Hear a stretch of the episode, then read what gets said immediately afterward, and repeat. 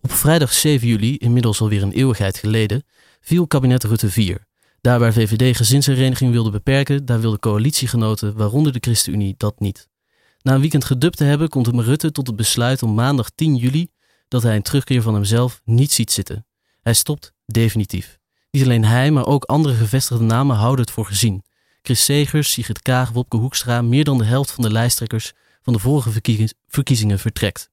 Een nieuw speelveld ontstaat, de campagne gaat van start en na lang wikken en wegen voegt Pieter Omtzigt zich bij het toneel met zijn partij Nieuw Sociaal Contract. Vele televisiedebatten gaan voorbij met als eindpunt het NOS-slotdebat, één dag voor de verkiezingen. Enkele dagen daarvoor heeft, en ik citeer, een gamechanger plaatsgevonden. Want plots stond Geert Wilders, leider van de PVV, nipt bovenaan in de peilingen. De PVV won uiteindelijk fors met 37 zetels. Wat zal volgen is een lang formatieproces, iets wat vorige keer een record opleverde van 299 dagen. Dan zullen de partijen, en ik citeer, over hun schaduwen heen moeten stappen en compromissen moeten sluiten. Maar wat staat er eigenlijk op het spel bij het sluiten van compromissen? En vindt het spel van het vinden van common ground niet al lang voor de formatie plaats, tijdens de campagneperiode? Goedemorgen beste luisteraar, mijn naam is Roland Tubel en u luistert naar Radio Swammerdam, het uurtje wetenschap op zondagochtend. Vandaag gaan we het dus hebben over de retoriek en strategieën in campagnetijd, als ook het dilemma van het sluiten van politieke compromissen. Aan tafel zit vandaag mederedacteur Tabe Bakker. Ja, Tabe, dit keer leek het alsof er extra veel debatten waren ingepland. Het RTL-debat, het NOS Radio-debat, het debat van het zuiden, ga zo maar door. Was het als kiezer allemaal een beetje bij te houden? Ja, goedemorgen. Ehm, als kiezer, als je houdt van drama, was het smullen natuurlijk. Ehm, ik heb wel het idee dat het steeds lastiger wordt om van uh, partijleiders zelf te horen te krijgen waar ze nou precies voor staan. Daar moet je toch zeg, echt zelf onderzoek naar doen. En daar heb je die debat helemaal niet voor nodig. Oké, dat is duidelijk. En bij mij is ook de gast Dr. Marieke van der Velde, associate professor in politieke communicatie aan de Vrije Universiteit van Amsterdam. Zij is gepromoveerd op het onderwerp politieke strategieën, electorale competitie en coalitievorming. En doet daarnaast ook onderzoek naar de retoriek van politici en de impact die dit heeft op de kiezer. En met haar ga ik dan ook praten over de retoriek en strategieën in campagnetijd, als ook over die complexiteit van het sluiten van politieke compromissen. Marieke, welkom. Fijn dat je er bent. Dankjewel. Ja, Marieke, dan is het kabinet gevallen en er komen dus nieuwe verkiezingen aan. Zijn partijen, ook coalitiepartijen, vanaf dat moment meteen elkaars concurrenten of zit het complexer dan dat? Nou, ze zijn natuurlijk ook meteen elkaars concurrenten, enerzijds. Hè, want ze zullen in een verkiezing uh, zichzelf moeten profileren, zodat ze laten zien dat ze anders zijn dan die anderen. En tegelijkertijd zie je, uh, in Nederland is er een lange traditie van coalitieformaties. Weten we ook um, dat partijen na de verkiezingen moeten samenwerken. En dan zien we dat partijen eigenlijk die verkiezingsperiode ook gebruiken om af te tasten waar die andere partijen voor staan. Zodat ze eigenlijk al een beetje meer informatie hebben uh, met wie ze zouden kunnen gaan samenwerken. En je zag ook bijvoorbeeld uh, in het begin van de campagnetijd dat uh, Frans Timmermans van de lijst GroenLinks PvdA samen met Omtzigt zijn eigen debat had georganiseerd. En daardoor daar eigenlijk alleen maar naar op zoek waren waar ze overeenkomsten hadden.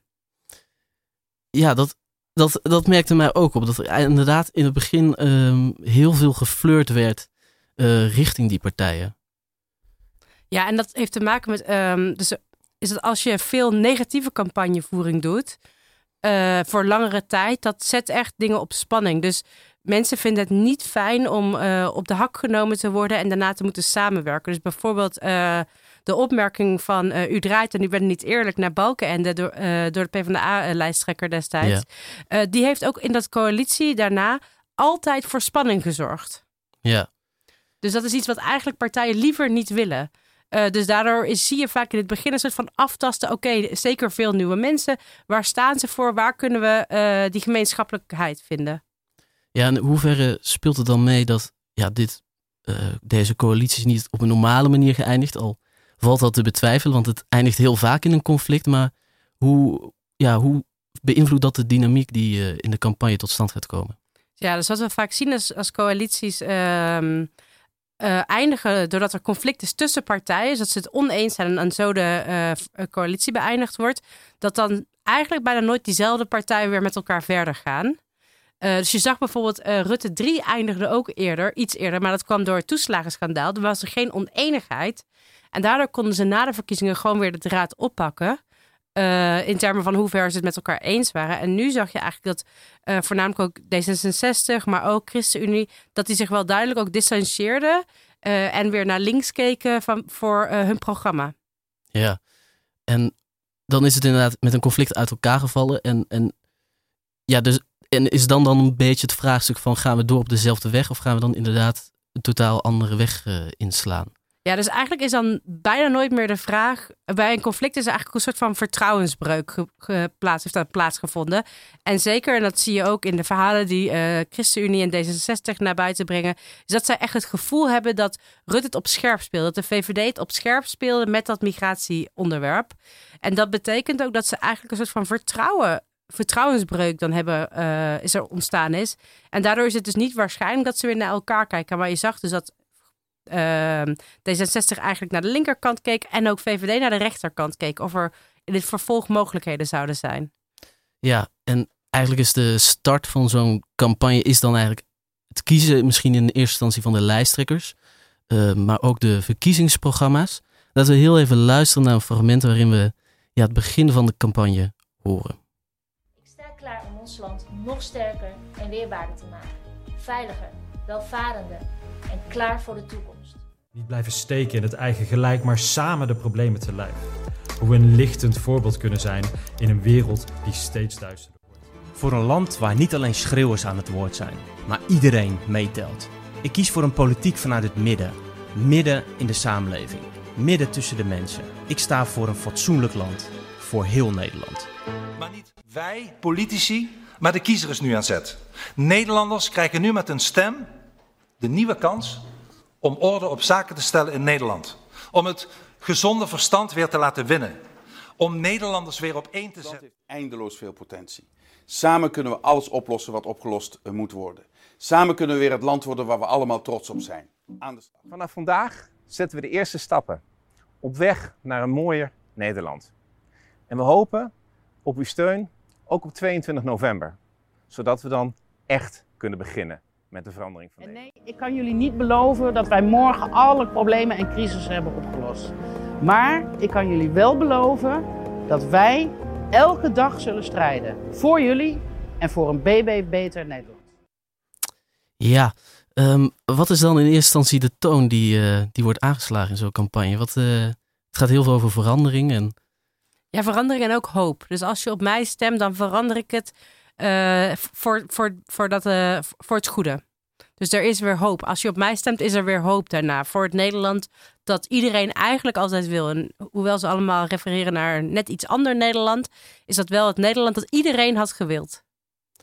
Ja, ik kan me dan voorstellen dat dat, uh, die boodschap verkondigen, dat lijkt mij lastiger voor coalitiepartijen die, ja, die, die het niet tot een goed einde hebben gebracht. Hoe, hoe verkopen zij dan toch die uh, hoopvolle boodschap?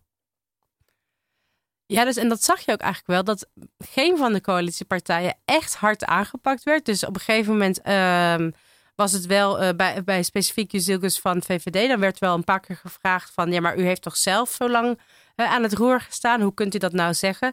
En dat repareerden ze toch wel vrij ehm, stevig op zijn minst, door te zeggen van, ja, wat gebeurd is, is gebeurd, we gaan nu vooruit kijken. Uh, en mijn plannen voor Nederland in de toekomst zijn en dan uh, maakte ze haar riedeltje af. Uh, en daar werd ze niet echt stevig op aangepakt van ja, dat kunt u nu wel zeggen, maar. En datzelfde gebeurde ook niet bij, maar die waren natuurlijk ook veel minder groot. Hè, zowel CDA, D66 als uh, ChristenUnie, die stonden eigenlijk er niet zo heel goed voor in de peilingen. Dus dan was het niet zo heel belangrijk om die aan te vallen. Maar VVD had aangevallen kunnen worden hierop. Ja, en specifiek als je dan bijvoorbeeld kijkt naar de ChristenUnie, hè, die heeft dan heel weinig zetels, die hield maar net aan een meerderheid in de coalitie, dragen die dan ook minder verantwoordelijkheid in het ogen van de kiezer? En... Um, nou ja en nee, want als je dus uh, een kleine partij bent die bijdraagt aan een coalitie, uh, dan kan je wel heel belangrijk zijn, namelijk dat zonder die partij de coalitie niet hadden, had kunnen plaatsvinden. Dat noemen ze een pivotal partij, dus een partij die noodzakelijk is voor die meerderheid, wat je wel veel onderhandelingsruimte geeft, want iedereen weet dat die partij de enige kans is om deze uh, meerderheid, en zeker in de afgelopen formatie die lang duurde, die moeilijk was, was ChristenUnie gewoon hard nodig. Zowel in de Eerste als in de Tweede Kamer. Uh, en dat geeft ze wel veel macht. Eh, en het is niet zo in Nederland dat we zeggen van we, we rekenen de eh, partijen af op basis van de hoeveelheid ministeries. Er is geen soort van formule hoe je naar partijen moet kijken. Dus we kijken, de meeste mensen kijken die bijvoorbeeld ChristenUnie in hun uh, partijen hebben die ze, die ze de voorkeur geven van oké, vind ik dat de ChristenUnie het goed heeft gedaan of ga ik nu liever iets anders wat ik ook belangrijk vind de voorkeur geven. Maar ze, bijna niemand telt hoeveel ministers er zijn geleverd en wat is er daarop um, geleverd. Um, en, en voor die andere partijen, of ze wel of niet de andere partij aanvallen, dan is het vooral strategisch belang en ook niet. ChristenUnie is ook coalitie geweest, maar krijgt niet veel zetels, geen grote concurrent, hoef ik niet me mee dus bezig te houden. Met aanvallen geef je iemand ook aandacht. Ja. Uh, en als je iemand niet per se aandacht. Het, makkelijkste is als je mensen een beetje kan verzwijgen. En dat zie je dat bijvoorbeeld gebeurt met SP. Die is bijna niet aangevallen. Als je niet aangevallen wordt, krijg je ook niet de kans om je te verdedigen. Dan kan je je ook niet profileren. Ja, en wat ik net zei, de eerste stap is eigenlijk je lijsttrekker selecteren. Is dat eigenlijk ook al het eerste signaal van ze gaan een nieuwe strategie bewandelen, ja dan te nee? Dat kan, maar dat hoeft niet. Een lijsttrekker kan gewoon in de adem doorgaan van de vorige lijsttrekker en kan een uh, frisse wind zijn. Uh, maar dat, dat is binnen de partij wordt dat uh, gekozen. Dus dat hoeft, dat kan, maar het hoeft niet. Oké. En als het gaat om het verkiezingsprogramma, is dan het enige doel om want er zijn vaak heel veel pagina's dat je je bijna gaat afvragen van is dit wel voor de kiezer bedoeld, zo'n partijprogramma? Nou, het verkiezingsprogramma, daar zijn verschillende visies op, maar is ook heel erg voor binnen de partij om eigenlijk binnen de partij de handen op elkaar te krijgen. Met elkaar binnen die partij spreek je af. Hier is waar wij ons de komende verkiezing, de komende periode, dus na de verkiezingen, de komende, tot aan de nieuwe verkiezingen, eigenlijk voor gaan inzetten. En dat, dat zorgt ervoor dat je dus niet echt van die muiterijen binnen de partij krijgt uh, tijdens, um, tijdens de electorale cycle. Wat zeg je dat in, hoe zeg je dat in het Nederlands? Ja, cyclus. Tijdens de, cyclus tijdens de cyclus, ja. ja. Um, dus dan probeer je eigenlijk iedereen met de neuzen dezelfde kant op te krijgen. Het geeft ook aan andere partijen waar jouw prioriteiten liggen. Dus zeker partijstrategen van andere partijen lezen echt al wel wat daar mogelijk is. Dus ook in de debatten kan je je op die manier voorbereiden. En dan natuurlijk is het ook fijn als kiezers er naar kijken. Uh, maar wat er het meest gebeurt is dat uh, stem, uh, stemhulpen zoals Kieskompas dit eigenlijk gebruiken om hun kieshulpen aan te bieden. En er ja. zijn maar heel weinig mensen uh, die de partijen, de partijprogramma's van A tot Z doorlezen. Ja, en... Dus, dus zo'n uh, dus zo'n partijprogramma is eigenlijk ook gemaakt om zeg maar, binnen de partij zelf iedereen een beetje aan, aan dezelfde regels te houden. Ja, dat je allemaal hetzelfde idee hebt van waar we, ons, uh, waar we naartoe gaan de komende jaren. Of waar we naartoe willen gaan. Dat de flyeraars op straat ook weten wat ze moeten zeggen te, uh, als ze een vraag krijgen. Dat soort. Ja, maar ook dat er in de Kamer niet ineens muiterijen komen van... oh nee, daar, maar daar ga ik echt hard tegen in. Dan, dan wordt dat in ieder geval in ieder geval... ja, maar dat hebben we wel bediscussieerd toen het partijprogramma kwam. Uh, het helpt heel erg om de partij eenheid te bewaken. En om één verhaal te kunnen verkondigen gedurende dit periode. En daarom is het ook mogelijk uh, dat, dat, dat, dat, saus, dat sausje dat naar buiten wordt verkocht. Uh, sorry, de, de inhoud die naar buiten wordt verkocht is eigenlijk de hele tijd hetzelfde. Iedereen heeft hoop op een nieuw Nederland. Maar dat verwijst steeds voor iedereen naar iets anders. Want die, die fragmenten die je net liet horen, hoe dat, dat waren eigenlijk allemaal dezelfde fragmenten. Iedereen zei, we kunnen het en we gaan er tegenaan en het wordt iets moois. En ja. Het wordt beter. Het wordt beter, ja. Ja. Dus de, de, vraag is maar, e-, eigenlijk moeten lezen, eigenlijk moet een, een, een, uh, een kiezer zichzelf eigenlijk heel goed inlezen, toch? Anders, anders ga je alleen maar af op, op de hoopvolle berichten die eigenlijk niks betekenen. Er zit een soort plicht in. Ja, en tegelijkertijd aan het begin moet je mensen ook een beetje warm maken. En als je dan te veel. Dus het wordt beter, daar is niemand tegen. Iedereen is voor dat het wordt tegen. Hetzelfde eigenlijk met uh, onderwerpen zoals bestaanszekerheid. Niemand is, zal maar zeggen, tegen bestaanszekerheid. Maar dan de invulling daarvan, die komt eigenlijk pas later. Maar de eerste fase in de campagne is eigenlijk mensen betrokken maken. Zodat ze weten, oh, er komt verkiezingen aan. Laat ik wat meer nieuws gaan kijken, et cetera. Uh, hè? En dan vervolgens, nadat je betrokken bent, kan je ook de inhoud gaan verwerken. Dus, en als je meteen op de inhoud gaat, dus dan kan het zijn dat sommige mensen afschrikken. Ja, um, u zei net ook over inhoud gesproken. Uh, Pieter Omzicht en Frans Timmermans, die wilden heel graag een inhoudelijk uh, debat. En zoals jij in het begin ook al zei, van ja, dan gaan ze elkaar eerst um, even een beetje aftasten. Ik heb daar een kort fragmentje bij nou naar een huwelijk in wording te kijken en dat ik dan de ambtenaar ben van de burgerlijke stand? Wij delen heel veel uh, in de analyse van wat er mis is in de samenleving. Dat dat onverlet, dat de heer Omtzigt volkomen gelijk heeft. En uh, waar ik me groot zorgen over maak is dat, en dat zegt de heer Timmans terecht... ik zie, Frans, dat jullie een analyse maken die daar heel veel op lijkt. Dus ik geloof dat wij inderdaad als partijen die analyse graag delen. Ik heb heel aandachtig geluisterd naar de heer Omtzigt. En ik moet eerlijk bekennen dat ik niets heb kunnen ontdekken waar ik het echt mee oneens ben. Dus ik denk dat we op dit punt, uh, wat betreft die fundamentele hervormingen van staatsstructuren, een heel eind uh, dezelfde kant opdenken. Zoals hij zelf ook al vaststelt. maar ik denk ook niet dat dat ons erg verdeelt. Ik zie je toch komen van dat huwelijk. Maar dat houdt ons ook niet verdeeld. Ik denk dat we dat alle twee ook willen. De heer Omtzigt zegt terecht. Daar zijn we het niet over oneens. Nee. Daarom is het belangrijk wat de heer Timmermans zegt. Zei de heer Timmermans terecht. Ik ben het helemaal met zijn lijstje eens. Er was er nog één vergeten, maar die staat wel in het GroenLinks, verkiezingsprogramma, uh, GroenLinks PvdA verkiezingsprogramma. Maar ik ben het met de heer Omtzigt eens. Hebben we nou naar de eerste contouren van een regeerakkoord zitten luisteren vanavond? Ja, een harde zucht van uh, Timmermans. Um, ja, Omtzigt refereert er zelfs naar, hè, dat hij uh, het verkiezingsprogramma heeft gelezen. Um, dus zij zijn er zelf uh, ook bekend mee en uh, zoeken eigenlijk haakjes bij elkaar. Zeker, en dat is ook logisch. Ik bedoel, het is ook de taak van politici om over na te denken uh, waar ze het eens met elkaar zijn, omdat samenwerking een essentieel onderdeel is van iedere democratie. Maar hoe meer partijen, hoe vaker er met verschillende partners moet samengewerkt worden. Ja, en dit geflirt wat we dan horen.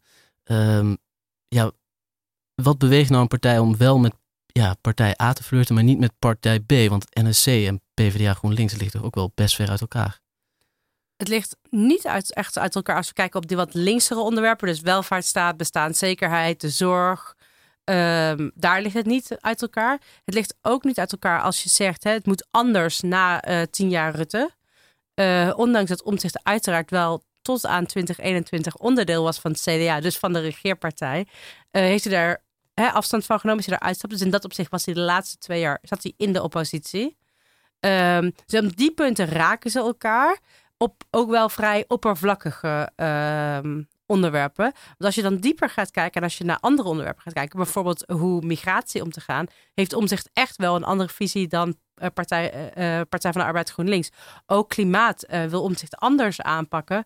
Uh, dan PvdA GroenLinks. Maar mm. op dat moment is Timmermans, die he, vrij groot staat aan het begin van de peilingen, VVD staat vrij groot en NSC, probeert hij eigenlijk een soort van uh, verbindenis te, uh, te creëren dat, he, al, dat NSC en PvdA een soort van logische combinatie zijn, waardoor je misschien als het had gewerkt, een sterk blok kan creëren, waar dat misschien weer mensen aan kan trekken. Mensen stemmen nou eenmaal graag voor iemand die later de winnaar wordt. Ja, en er is ook heel veel gezegd en geschreven over peilingen. Want juist die inschatting maken van wie wordt nou de grootste, dat lijkt me ook steeds moeilijker voor partijen zelf, maar ook de kiezer, als er zoveel zwevende kiezers zijn. Ja, en, en dat maakt juist peilingen en ook vooral uh, de um, errormarge, de marge om die zetels heen, zo belangrijk. Want we weten eigenlijk al best wel lang, uh, studies van mijn collega uh, Tom van der Meer, Armen Hakverdian, Loes Aalring, dat die echte peilingen, het, het, het, het, droge nummer, dat doet eigenlijk niet zoveel. Maar de framing van journalisten eromheen, dus zeggen dit wordt de winnaar, deze twee zijn de grootste en specifiek zo'n zo'n horse race, zo'n paardenwedstrijd ervan maken waar er koplopers zijn die tegen elkaar uh, vechten. Dat doet iets met uh, mensen die, en dat noemen ze dan strategisch stemmen. Dus mensen die denken, die twijfelen nog, maar uh, bijvoorbeeld PVV of GroenLinks zit in hun set van partijen waar ze over twijfelen. Dan kan dat net het doorslaggevende uh, duwtje zijn. Dat dan, oké, als ik tussen VVD en, P van de, en VVD, PVV en VVD twijfel, en de andere optie is, is dat als ik VVD stem, dat misschien P van de A het grootst wordt. Nou, dan stem ik maar PVV. Dus dat zo'n logica gaat dan werken. Dus die peilingen, dat is best wel uh, vervelend dat het zo bepalend is. En dat is voornamelijk als we dus ja, één of twee zetelwisselingen die nog binnen de marge zijn, gaan interpreteren als enorme uh, overwinningen. Ja, ik las, ik vond het wel interessant dat in Frankrijk zijn bijvoorbeeld, is het bijvoorbeeld verboden een week voor uh, de verkiezingen om peilingen te publiceren. Ik las ook dat dan de Waalse kranten het gewoon publiceren. En dan lezen ze het gewoon in België. Maar ja, is zoiets nuttig voor de democratie? Nee, want die peilingen kunnen ook informatie geven. Wat het belangrijkste is, is dat journalisten daar ook mee omgaan voor wat het waard is. Dus dat ze niet gaan zeggen als er één zetel gewisseld wordt, dat er een enorme ver- aardverschuiving plaatsvindt. Maar dat mensen eh, statistieken en de, hè, dus de schatting en de betrouwbaarheidsinterval rondom die schatting begrijpen en dat uitleggen. Van oké, we zien dus hè, dat de PVV tussen de, weet ik veel, 23 en 27 zetels haalt. En de Partij van de Arbeid tussen de 25 en 28. eh, of tussen de 26 en 22.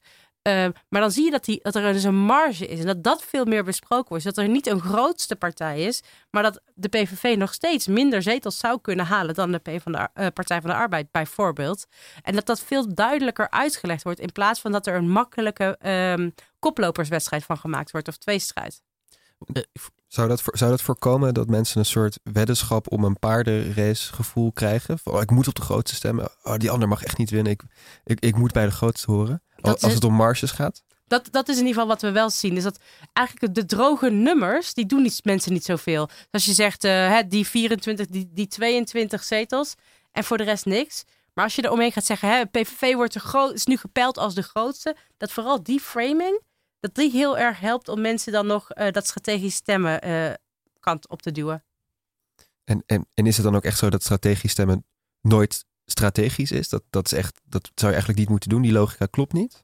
Je, je, je- moet stemmen hoe je wil stemmen. En je kan heel veel verschillende overwegingen hebben om op een partij te stemmen. Het is ook niet verkeerd om te zeggen, nou, als Wilders de groot. Hè, als ik twijfel tussen VVD en, en PVV, eh. En ik zie niet zo heel veel verschil. En ik denk dat ik daarmee een rechtse regering kan maken.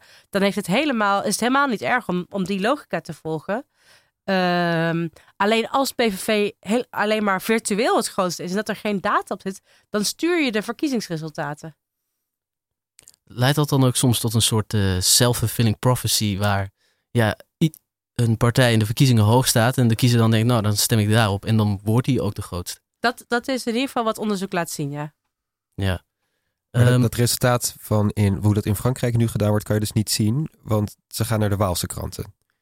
Ja, dat, dat stond eh, zo in het nieuws inderdaad. Dus ja, het is natuurlijk een beetje het gegeven van ja, we leven in een digitale wereld. Dus je kan het wel eh, in eigen land verbieden. Maar Ma- Mag ik dan nog heel kort vragen, hoe, komt dat, hoe, hoe zien we dat dan aan het onderzoek als er geen landen zijn, of in ieder geval Frankrijk dat niet heeft? Zijn er landen waar wel echt peilingen niet ge- gepubliceerd worden?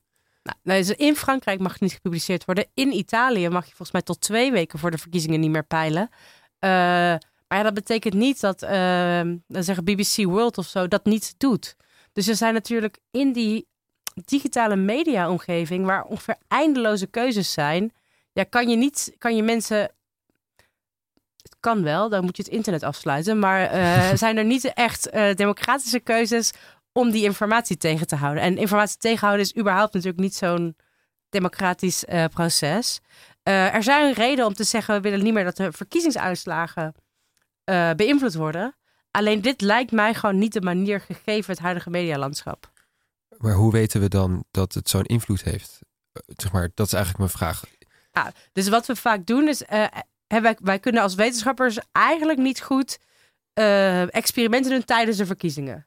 Dus je kan niet tijdens de verkiezingen zo'n soort experiment doen waarbij je dan een framing aanpast van een krant. Want dat zou, je wil, je wil gewoon niet betrokken zijn bij het drijven van de eh, verkiezingsresultaten. Ja, je kan niet zomaar een soort medisch experiment met de kranten gaan doen. Met die wel, die niet. Dan... Dat kan wel, maar niet in verkiezingstijd. Nee, oké, precies, ja. Dus dat kunnen we buiten de verkiezingstijd doen en dan zien we de effecten. En tijdens de verkiezingstijd kunnen we natuurlijk wel zien hoeveel mensen. Dus je kan mensen volgen over tijd, noemen ze een panelstudie. Dus dan heb je verschillende. ehm, eh, op verschillende momenten in de verkiezingsperiode vragenlijsten. Dat doen we eigenlijk in onze onderzoeksgroep al vanaf 94. En dat kan je dan koppelen aan media.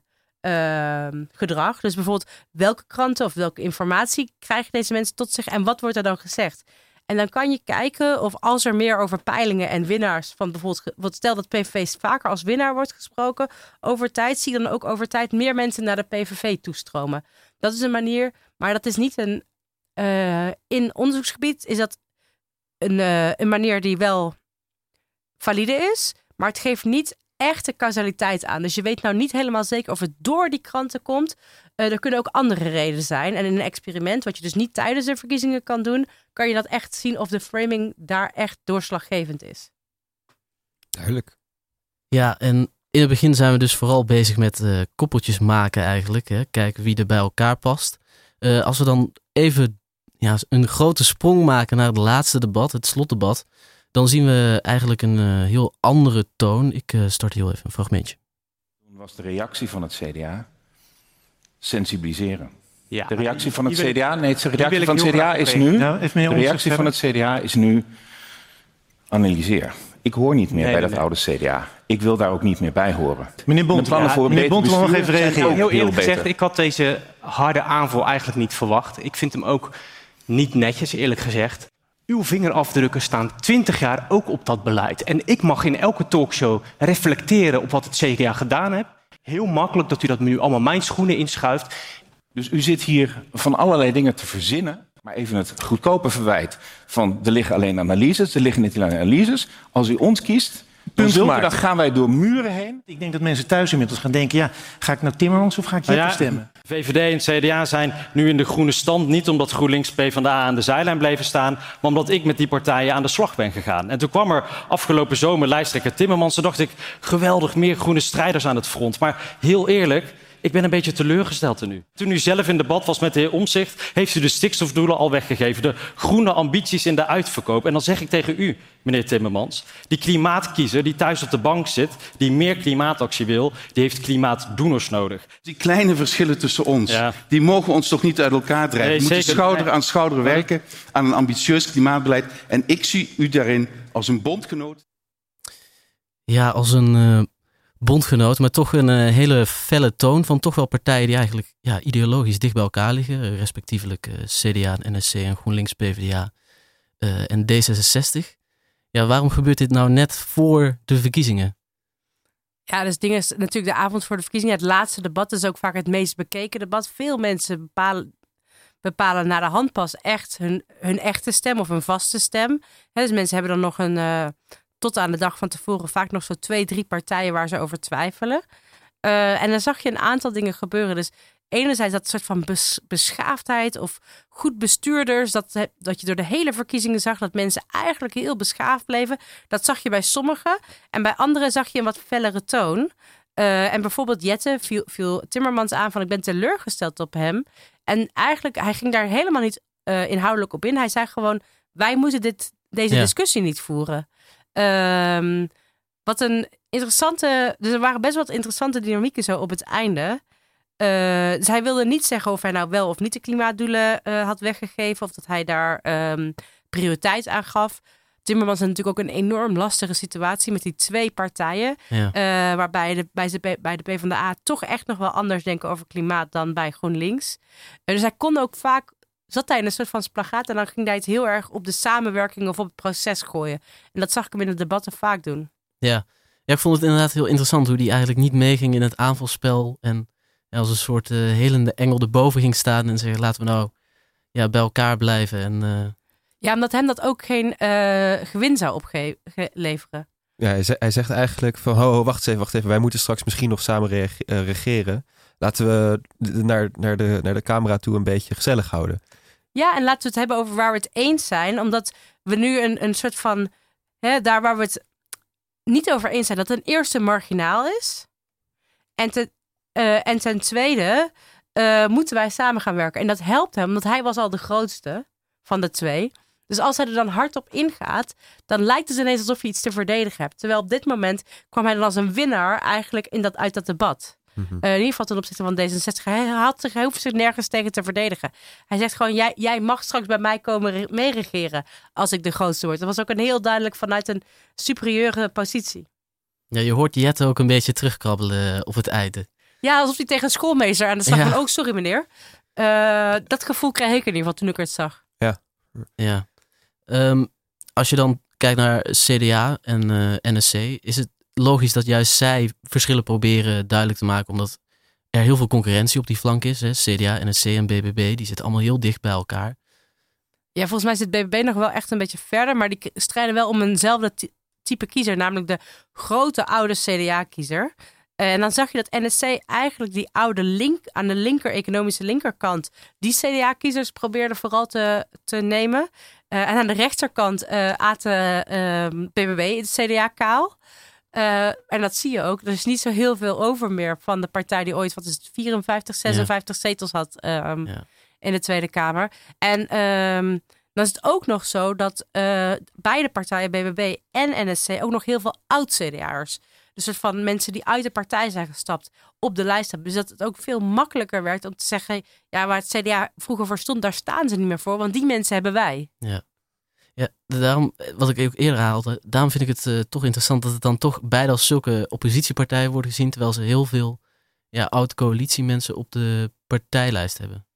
Ja dat, ja, dat is zo. En tegelijkertijd zijn ze natuurlijk wel in een nieuwe eh, huls. Dus Wilders bijvoorbeeld werd ook eh, gezien als een, coalitie, of een oppositiepartij, terwijl hij natuurlijk ook uit de VVD stamt. Maar het is nooit zo gedaan alsof Wilders toen hij in 2004 uh, uit de VVD stapte en in 2006 voor het eerst meedeed, alsof hij een halve uh, coalitiepartij is geweest. Dus het is gewoon een nieuwe partij.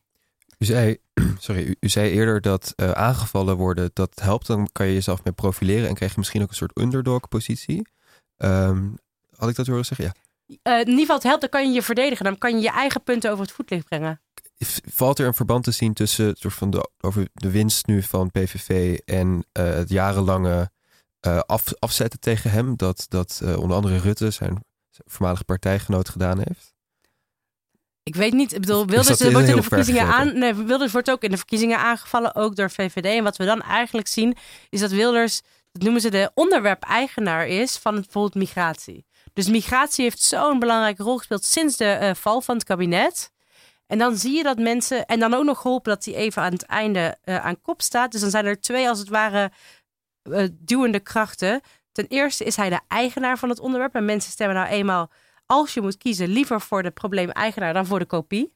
Wat de VVD zou zijn. En ten tweede zie je ook dat die peilingen dan ook nog daaraan. Dus die twee um, interacteren, die twee krachten. En dat is een soort van stuwende kracht geworden. En ik weet niet of dat komt door jarenlang wegzetten. Maar het geeft hem wel nog steeds. Het geeft hem, gaf Wilders wel veel kans om steeds te zeggen: niemand luistert ooit naar mij. Hè, dit is hoe ik al, wat ik al jaren roep. En dat gaf hem natuurlijk wel veel. Uh, en dat kon uh, hè, Dylan, van, Dylan Jezilgus van VVD niet zeggen. Want zij heeft gewoon in het kabinet, zat zoals ook minister in het kabinet. Ja, ik, ik had ook het idee dat er een soort competitie was van wat moet nou het hoofdtopic zijn van de verkiezingen. Uh, ik had het idee dat dan vooral linkse partijen, die wilden het heel graag over bestaanszekerheid hebben. En is toch op een gegeven moment een beetje naar de achtergrond uh, gedrukt. En ging het opeens weer uh, over migratie. ja, ja, dat klopt inderdaad. En natuurlijk is er altijd, bedoel, campagnes gaan over een strijd over ideeën. En dus ook, zou zeggen, degene die de ideeën, de onderwerpen die op tafel liggen, die partijen kunnen zich het beste profileren. Uh, en natuurlijk probeer, waren er veel partijen aan de rechterkant uh, waar, die allemaal migratie belangrijk vinden. Uh, dus die proberen dat door te drukken. En bestaanszekerheid is moeilijk over te debatteren, omdat je dan vrij ver in de diepte moet gaan. Dus niemand, je kan niet tegen bestaanszekerheid zijn. Iedereen is voor bestaanszekerheid. Alleen wat dat betekent, en dat zag je bijvoorbeeld in het uh, bespreken van het, uh, uh, het Prinsjesdagdebat, is dat uh, dat voor de VV, VVD betekent dat je je auto kan rijden en dat de benzine goedkoop is. Terwijl het voor de SP of de Partij van de Arbeid iets anders betekent. Dus hoewel niemand tegen dat grote soort van paraplu-term bestaanszekerheid is, moet je echt in een debat best ver de diepte in. En daar lenen die debatten, die korte debatten, zich niet echt voor. Dus dan zie je ook dat het moeilijker is voor links om zich te profileren. Uh, klimaat ja. had ook een belangrijk punt kunnen zijn. En ook dat is niet echt naar voorgrond gedrukt. Ja, dat is dan misschien ook het voordeel van de grootste zijn in de peilingen. Dat je het meeste ja, ja, naar maar jou dat was kijken. de VVD ja. eigenlijk. De, voor de langste periode van de campagne Ja. was VVD de grootste. Ja. Ehm, ja, dan is eh, de campagne geweest. Eh, dan zijn de verkiezingen geweest.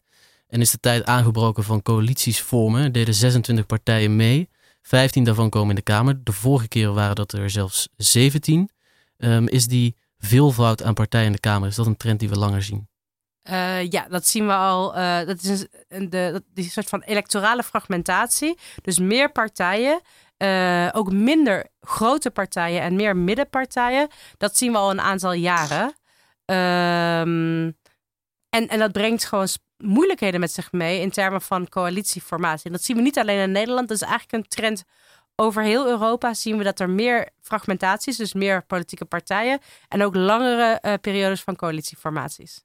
En, en eh, ja, wat is daar dan de reden van? Is, gaat dat helemaal terug tot in Nederland in ieder geval de ontzuiling van, van ja, Dat heeft er zeker ook mee te maken. Ik bedoel, toen je gewoon automatisch stemde op een partij vanwege ofwel de kerk ofwel je beroep, had je een hele ster- sterke achterban. En die achterban, ehm, ja, die verschoof wel iets, maar niet zo enorm. Dus dan zag je ook altijd dat, eigenlijk was het CDA als middenpartij, die regeerde ook over links met PvdA of over rechts eh, met VVD. En dat waren zo'n beetje de mogelijkheden. Eh, Ja. En in 94 voor het eerst komt dan, dan een derde partij bij, namelijk D66. En dan krijg je paars, dus dat er, eh, de confessionelen doen niet meer mee. En daarna, na paars, zie je eigenlijk dat er dat drie partijen eigenlijk de norm zijn geworden. En later zie je zelfs dat vier partijen eh, nodig zijn om een meerderheid te halen. En ook zien we al dat de meerderheid in de Eerste Kamer vaak al niet eens meer een overweging is. Maar dat was vroeger altijd wel nog een overweging. Dus meerderheid, zo weinig mogelijk partijen in de coalitie die een meerderheid hebben in de Tweede en Eerste Kamer. Eh, en die Eerste Kamermeerderheid is inmiddels echt losgelaten. Omdat het zo moeilijk is om een meerderheid te vinden al. Ja. ja, je haalde in het begin al aan dat het meestal niet loont om te regeren. Als we dan kijken naar eh, onze coalitiepartijen, VVD, D66, CDA en ChristenUnie, gaan van 77 zetels naar 41. Ja, waarom worden die partijen eigenlijk altijd zo afgestraft eh, voor verkiezingen? Uh, partijen, ja. ja. is niet altijd, ze worden niet altijd zo erg afgestraft. Maar er is altijd wel een kleine ehm, verlies. En dat heeft ook te maken met dat er, eh, dat er dingen kunnen gebeuren. Zoals bijvoorbeeld nu bij Wilders. Dat je dan ineens een enorme winst krijgt. En dan zijn er altijd wel een paar mensen die dan toch daarna denken van... nou, dat was het toch niet. Ik ga nu toch voor een andere partij. Dus er is altijd een vorm van... ehm, ja, afzwaaien, zal ik maar zeggen, van kiezers. Maar wat je nu zag, is dat mensen echt ontevreden zijn over het huidige kabinet. Eh, en dat ze dus willen dat Nederland of over links, dat was maar de kleine, meerderheid, een kleine eh, groep, of dat Nederland over wat verder naar rechts gaat regeren. Eh, of wat meer conservatief, zo zou je het ook kunnen noemen. Als je naar omzicht kijkt en naar Wilders, die zijn voornamelijk toch echt conservatief en wat minder ehm, duidelijk te klassificeren op die economische links-rechts schaal. Omdat ze voor sommige onderwerpen een grote en voor andere onderwerpen een kleine overheid willen. En dat, dat als je dat, zeg maar mathematisch, kom je dan als je zowel plussen als minnen hebt, dan kom je eigenlijk in het midden terecht. Ja, misschien dat ze daarom telkens zeggen dat het een eh, centrumrechts kabinet wordt.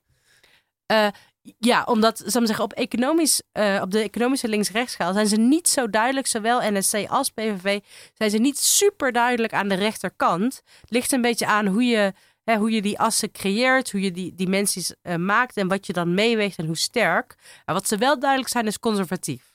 Dat weten we zeker.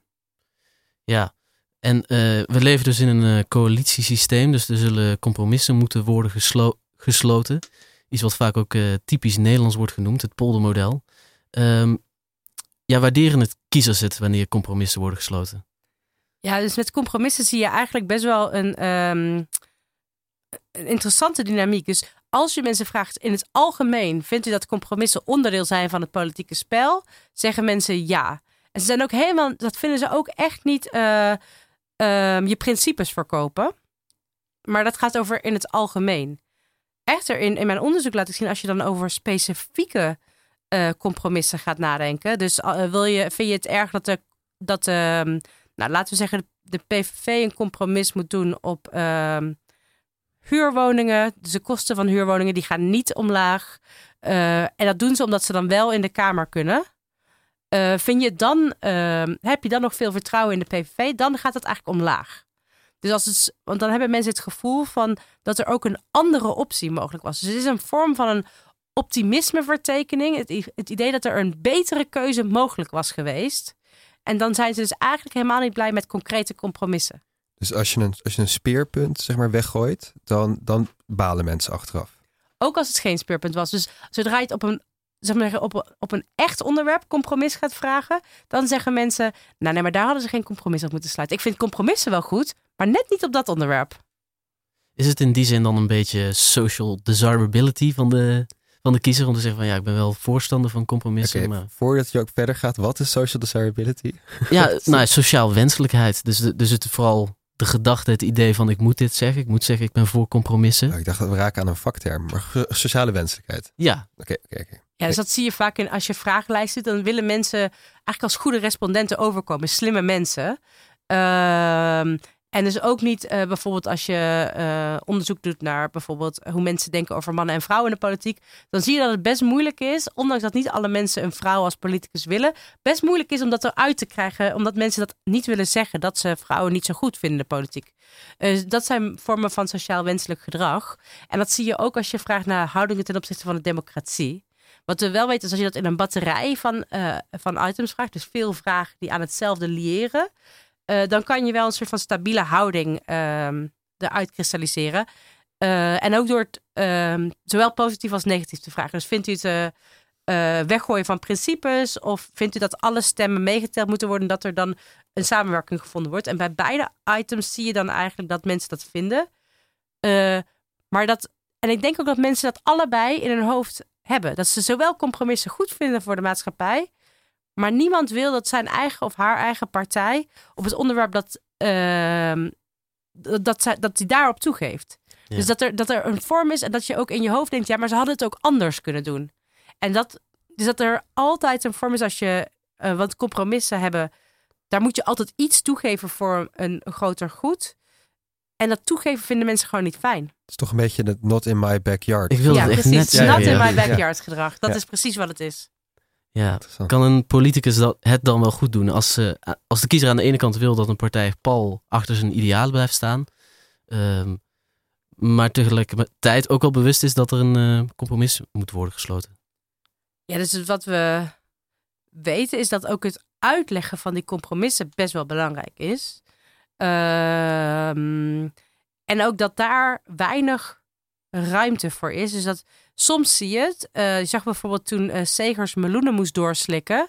Dan gebruikt hij al best wel obscure taal om te laten zien wat hij moest doen. Dus ambiguë taal. Namelijk een meloen doorslikken is figuratief, dus spreekwoordelijk.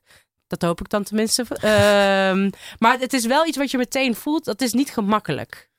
Um, dus daarbij geeft hij duidelijk aan, we hebben toegezegd, uh, in dat geval met de financiële ver verantwoording van dat kabinet dat moment, maar het kostte ons moeite. En dat hebben we toch gedaan vanwege deze dingen. En dan legt, probeert hij uit te leggen waarom ChristenUnie die afwegingen maakt.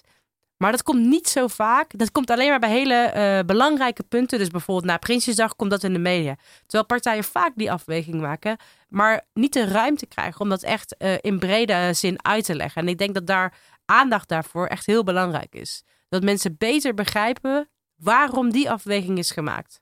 Ja. Ja, je hoort het eigenlijk al meteen na de uitslag. Hè? Overschaduwen, heen stappen, dat was de Uh, term. ja, precies. En dat is gewoon een, dat is een mooi eufemisme in de Nederlandse politiek geworden. Sinds het Koendersakkoord. Uh, om uh, compromissen te sluiten.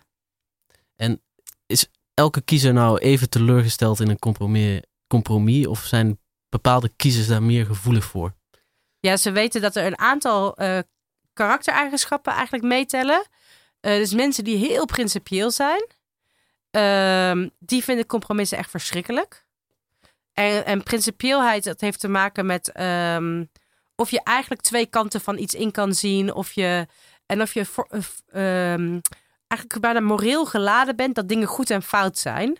Dus als je sterke morele overtuigingen hebt, dan ben je in ieder geval in de wetenschappelijke zin principieel.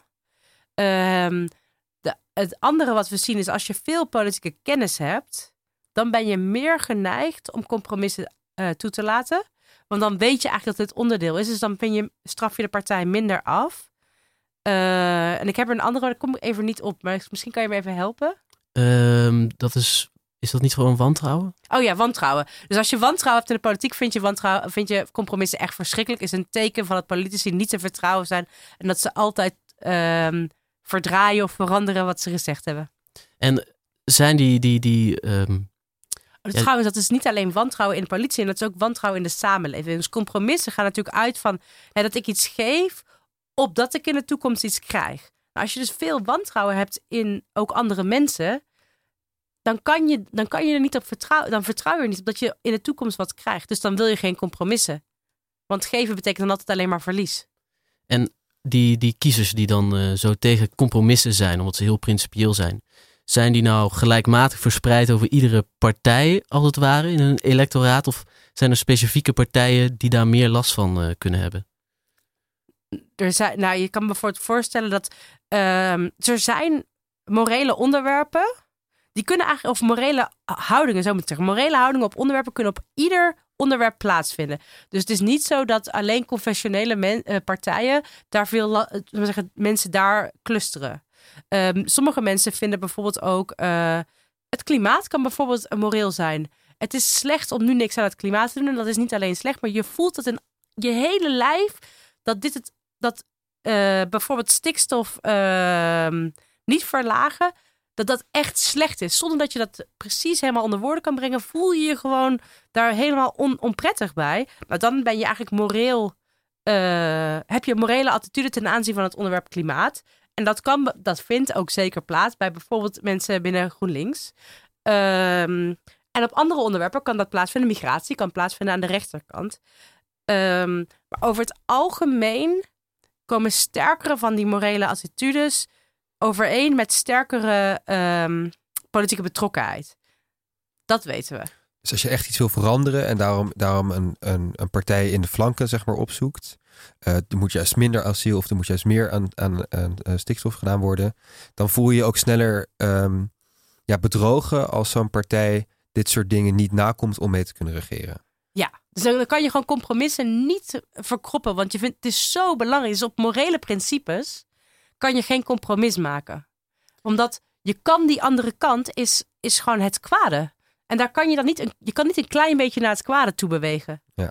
Ehm, en dat is, een, eh, dat is een heel logisch principe, maar dat betekent ook als steeds meer onderwerpen zo in termen van goed en kwaad, dus in morele convicties worden eh, neergezet, wordt het steeds moeilijker om samenwerking te genereren tussen, het, zeggen, om brugfuncties, brede kabinetten te zoeken. Ja, ik kan me ook voorstellen dat als, partij, eh, ja, als je steeds meer polarisatie ziet in het politieke landschap, dan worden de teleurstellingen ook steeds groter, omdat je steeds hoger gaat inzetten van... Ja, wat polarisatie vooral doet, is ook het politiek maken van samenwerken. Hè, dus ook polarisatie is een vorm van goed en kwaad. Namelijk, je eigen groep is goed, die andere groep is fout. Dan is samenwerken met de foute groep, ben je ook fout. Dat, Ja. is, eh, hè, dat is legitimeren van de foute groep.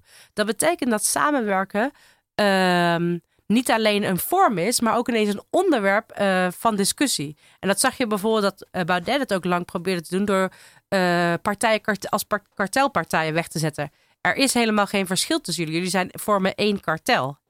Ehm, en, en dat is natuurlijk ook problematisch, want samenwerken in de politiek is essentieel onderdeel daarvan. Je kan geen enkele vorm van politiek bedenken waarin samenwerken niet een onderdeel is. Dus mensen denken bijvoorbeeld dan snel aan Amerika, maar er zijn maar twee partijen. Maar ook daar is samenwerking essentieel in de, in de politiek. Ja, is, is dat misschien ook wat je een beetje zag dan bij eh, de VVD, die zo af en toe de, de deur weer op een kier zetten voor de PVV en dan weer dicht? Ja, die hadden een beetje last van een tochtige deur, inderdaad. Ehm, nou ja, die hebben eh, de deur nooit. En enerzijds is dat natuurlijk democratisch om mensen, om partijen niet uit te sluiten. Zeker als het om partijen gaat die dicht tegen je eigen partijprogramma aanschuren. Tegelijkertijd zorgt dat er ook voor dat, ja, dan krijg je dat verhaal van, oké, zij gaan dan onderwerpen belangrijk maken die traditioneel PVV-onderwerpen worden. En daarmee eh, help je PVV ook in het zadel. Dus dat is. ehm, ik zag dat mijn collega Joost van Spanje had daar een analyse over. Zijn analyse zou zijn dat als eh, VVD, dat, VVD dat niet had gedaan, dat zij de grootste waren geweest. Ja. Ja, je hoort het al in de straten, maar dat is dus echt geanalyseerd en, en bevestigd in zekere zin. Ja, dus mijn collega he- heeft dat. ehm, ik weet niet, even niet uit mijn hoofd dat het naar met data heeft laten zien, omdat hij daar gewoon op basis van jarenlang onderzoek eh, conclusies heeft getrokken. Ehm, maar hij laat het in ieder geval laat hij het, maakt hij het aannemelijk. Ja, uit die peilingen blijkt dan dat heel veel kiezers van de VVD dat wel willen. Wel willen dat, eh, dat ze met de PVV gaan samenwerken. Yes, wij hebben zelf onderzoek naar gedaan over zeg maar, de drie waves voor de verkiezingen. Dus vanaf midden oktober tot ja, de, de dag voor de verkiezingen gaat dan de laatste eh, vragenlijst dicht. Eh, en daar zagen we dat het soort van lauw-warm was. Dus er was een groep van mensen, VVD'ers, die wel met de eh, PVV wilden. En er was een groep die niet met de PVV wilde. En dat is op zich logisch, want de PVV heeft dus een wat minder sterk rechtsprofiel op economie. Maar wel een conservatief. Dus voor die echte rechtse conservatieve VVD'er is samenwerken met de PVV helemaal niet zo eh, aantrekkelijk. eh, wel op migratie. Daarom zijn ze natuurlijk ook van harte bereid om te steunen op die eh, politieke onderwerpen. Maar helemaal niet op dingen zoals hè, hoe we omgaan met sociale huur, bestaanszekerheid, de zorg. Daar wil de PVV gewoon het minimumloon verhogen. en, en allerlei andere maatregelen die helemaal niet ehm, in lijn liggen met wat de VVD wil. We hebben het hier wel vaker over een beweging naar rechts. Eh dat wordt internationaal ook geframed als hebben een rechtsradicale partij is de grootste geworden. Eh, maar voor de, echt, de echte rechtse VVD'er is dit een beweging naar economisch links. Die, die eigenlijk de andere kant op. Ja, dus het is altijd een beetje lastig. Want rechts betekent, kan zowel betekenen conservatief als economisch rechts. En dat komt omdat eigenlijk in Nederland, maar ook in veel andere landen, was voor hele lange tijd was de enige dimensie waarop partijen gestructureerd waren, was eigenlijk economisch links en rechts. Ehm, dat was de meest dominante lijn. En toen eigenlijk door de opkomst van de LPF in het begin eh, van de 2000 jaren, dus 2002, zie je dat er een andere dimensie komt. Die progressieve, conservatieve dimensie, waarbij je partijen hebt. En in het begin zie je ook dat voornamelijk nog rechtse partijen zijn conservatief en linkse partijen zijn progressief. Maar over tijd zie je dat ook sommige partijen die net aan de rechterkant van het midden waren, D66 voor lange tijd, die was progressief. Ehm, en je zag, ziet ook wat links-conservatieve partijen. Dus je ziet dat eigenlijk die vier dimensies inmiddels beter worden eh, bevolkt door partijen. Eh, en dat ook kiezers in die vier kwadranten zitten. En PVV is een, is een partij die op sommige momenten zich economisch rechts profileert. Dus voor een kleine of kleine overheid is. En op andere onderwerpen zich economisch links profileert. En dat komt dat die as niet hun belangrijkste dimensie is. Hun belangrijkste dimensie is de, de conservatieve, progressieve dimensie. Namelijk een vorm van Nederland behouden. ehm, een soort van uto- utopisch Nederland, dus dat ook nooit bestaan heeft, maar wat terug ligt in, de, in het verleden. Dus niet te veel, niet te veel in economisch links en rechts denken om, dit, eh, om deze verkiezingen te begrijpen. Het is, zeg maar, de Nederlandse politiek is eh, voor jaren inmiddels al ehm, gestructureerd langs twee dimensies. Eh, en dat is belangrijk om het hele politieke stelsel te begrijpen. En we hebben, gebruiken nog steeds die oude labels, omdat dat uit gewoonte is. Dus we noemen Wilders een rechtspopulistische partij. Dat tegenover op het SP kan ge- gezien worden als een linkspopulistische partij. Er zijn ook echt verschillen tussen die twee partijen. Maar er zitten ook overeenkomsten. En dat heeft voornamelijk te maken met ehm, dat Wilders niet een zo sterke, altijd links of rechts op de economische is. Ja, tot slot, Marieke. Welke strategische spellen staan ons nog te wachten in de aankomende weken in de formatie? Nou ja, de eerste eh, strategische eh, wissel heeft al plaatsgevonden doordat de eh, verkenner gewisseld is. Plasterk is ehm, eh, gekomen en dat is ook interessant, want Plasterk is natuurlijk voormalig PV PvdA-minister. Maar in de laatste jaren heeft hij zich sterk, ehm, nou ik ga het ook doen, aan de rechterkant geprofileerd. Eh, dus hij is best wel wat van het PvdA-programma, laten we zeggen, afgewandeld. Ehm, en ook vrij anti-elitistisch geworden. Dus hij is eigenlijk tegen de elite. En ehm, het, wat er nu gaat komen is natuurlijk opnieuw een verkenning wie wil er met wie. En het is interessant dat eh, VVD al meteen gezegd wij willen gedogen. Dus mijn voorspelling is dat het ook nog wel eens, ondanks dat het lastig is, een vrij korte formatie kan zijn over rechts met NSC, PVV en BBB. Gedoogd bij VVD op die migratie en wat richtere punten. Dat is wel wat hij eh, in zijn column had gezegd, eh Plasterk. Dat is ook wat hij in zijn column had gezegd, zeker. Maar eh, gelukkig is mijn voorspelling wel al voor de column van Plasterk. Oké, dan zullen we het hierbij af moeten sluiten. Ik wil Marieke van der Velde en medepresentator Tabe Bakker bedanken voor het interessante gesprek. Deze aflevering is binnenkort terug te beluisteren als podcast op al uw podcastkanalen. En u kunt ons nog steeds vinden op Instagram, Facebook, Twitter en LinkedIn. Ik ben Roland Tubel en u luisterde naar Radio Swammerdam. Fijne zondag.